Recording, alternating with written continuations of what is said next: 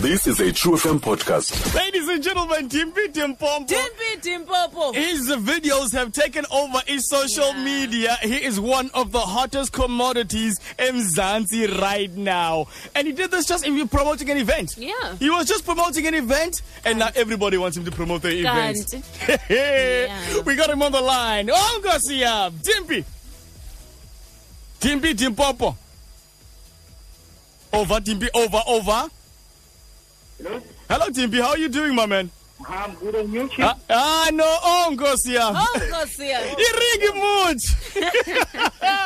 My man, it's such an honor to have you on the show, Namhlanje. How are you doing? I'm good. It's an honor being on the show. Thanks for putting me through. I appreciate it and I love you guys. Yeah, well, we love you too, man. The whole of South Africa loves you, my man. Uh, listen, let's Thanks.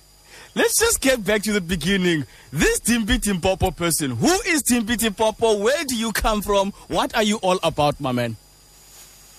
Excuse me? Uh, where, who is Timpi Timpompo? Uh, where do you come from? Oh, uh, Dimpie Dimpopo. I'm from Eldorado Park, Mara, a rural area called Clip Town. So it's where I grew up and currently my parents are still residing there. So Dim, yeah, so Dimpie was a nickname when I grew up, like oh shame Dimpie, and uh, and then the Dimpopo came from the guys here in the wood where they started calling me Dimpopo. So now it's grown like enormously. Everyone is just Dimpie Dimpopo, Dimpie Dimpopo. Timpi Timpopo. What kind of a kid were you when you were growing up? Uh, what kid was I when I grew up? Yeah, what kind of a kid were you? What, what was your personality like as a, as a lighty? Oh, I was always a person of, of comedy, fun person, mm. I've been caring. I'm sure other people can relate. Mm. So, yeah. So yeah, I was it, regarding school. I wasn't that smart of a learner because I always because I always wanted to be on the TV and, and out there, wabo. so yeah, so it wasn't difficult, but it wasn't also a challenge. But I knew my way around one plus one, bomber two, and stuff and ABC. Now, uh, I understand that you also do comedy, ne? Yeah, yeah, yeah. Okay, when? hmm Yeah, it started off with the comedy videos, which they call skits, Hmm. which yeah, which which are want to make people laugh, especially the ladies. So Oh, we started off, yeah, we started off with the skits where we had a character named Nana. I don't know have you guys seen the one with the hair on? Uh, I haven't actually, yeah, we've checked it, we've checked it out. Yeah, Nana. Yeah, yeah. So it started with the comedy one with that character, which her name was Nana. So yeah, that's that's how it started off before even the promo videos. Okay.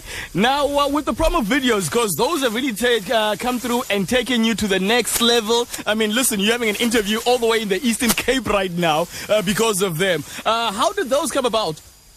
I just, uh, just just came about like one morning, waking up and saying I'm tired now. I'm gonna try something different. Mm. But boy, if, you, if you're still young, you have to take on different stuff and different challenges. So the promo video started off very well as well. Where I done one for a friend, but at that time it was for free mm. compared to yeah compared to now it's for money. So I won't say oh, money. la- but just, just say rands and nairas.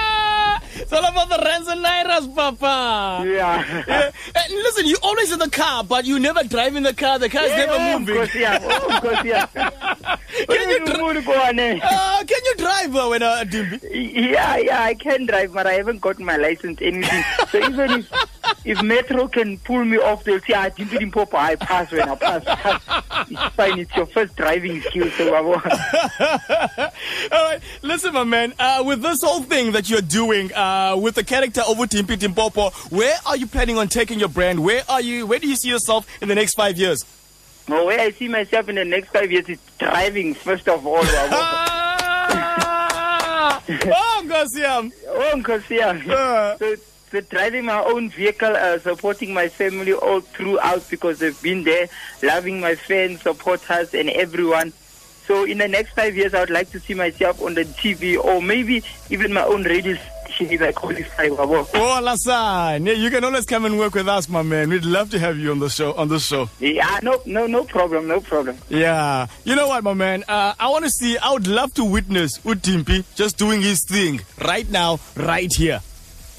Yeah, I'm, I'm up for it. I'm up for it. Can you do a, a little thing for us, a little promo for us, saying you are on True FM with Buck and AJ?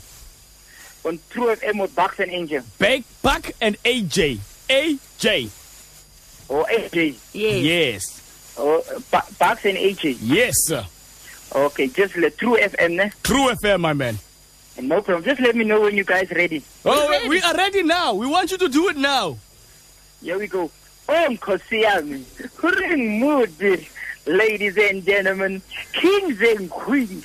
Kiri once again, your boy Dimpie Dimpopo, and you are now tuning to True FM with my boy Fox and CJ. Come on, man. You don't want to miss this one. Timpy Timpofo, ladies Timpy and Timpofo. gentlemen. Find us online on truefm.co.za.